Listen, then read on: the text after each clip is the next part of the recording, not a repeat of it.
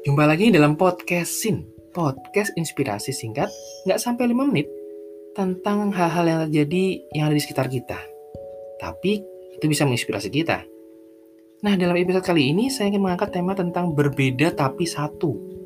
Wah, tentang apa nih? Kok beda bisa satu? Nah, bisakah kita membayangkan, atau pernahlah kita membayangkan, tubuh kita itu semuanya adalah mata? Lalu nggak ada telinga, nggak ada tangan, nggak ada mulut. Wah, jadi kita nggak bisa mendengar, nggak bisa bicara, karena semuanya adalah mata tubuh kita. Waduh, guyon nih pasti pertanyaan ini. Ini sepertinya kelihatannya candaan ya. Tapi pernahkah kita membayangkan kalau itu terjadi gitu ya? Tentu kita akan berpikir bahwa ya susah lah.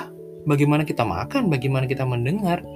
Nah, oleh karena itu sebenarnya pencipta kita menetap, e, menciptakan tubuh kita itu terdiri dari beberapa anggota atau beberapa bagian yaitu mata, telinga, mulut, tangan, dan kaki, bahkan juga bagian-bagian lain yang tidak terlihat.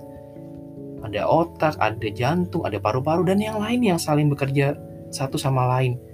Tapi, ketika ada satu bagian yang merasa lebih penting karena ingin terlihat menonjol, maka itu yang akan menjadikan masalah. Memang ada bagian yang terlihat menonjol gitu ya, tapi bukan berarti bagian tubuh yang lain tidak penting. Karena setiap bagian memiliki masing-masing fungsi yang berbeda seperti dikatakan di awal, tidak mungkin semuanya adalah mata atau semuanya adalah tangan gitu ya. Nah perbedaan yang dimiliki itu seharusnya dipahami dan disadari bahwa tiap anggota tubuh itu nggak bisa mementingkan diri sendiri.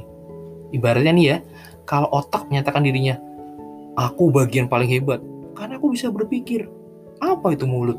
Cuman bisa makan, atau perut cuman bisa menerima makanan.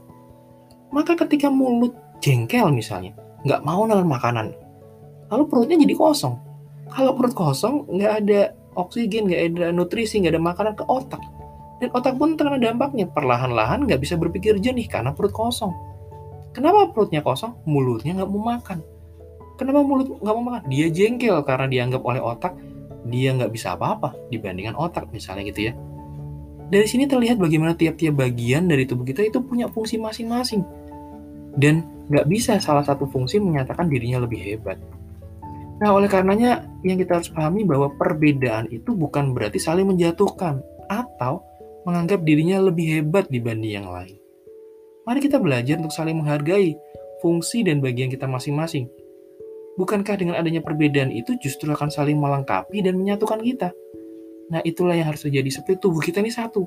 Maka hidup kita dengan sesama kita harus saling mengisi, harus saling melengkapi.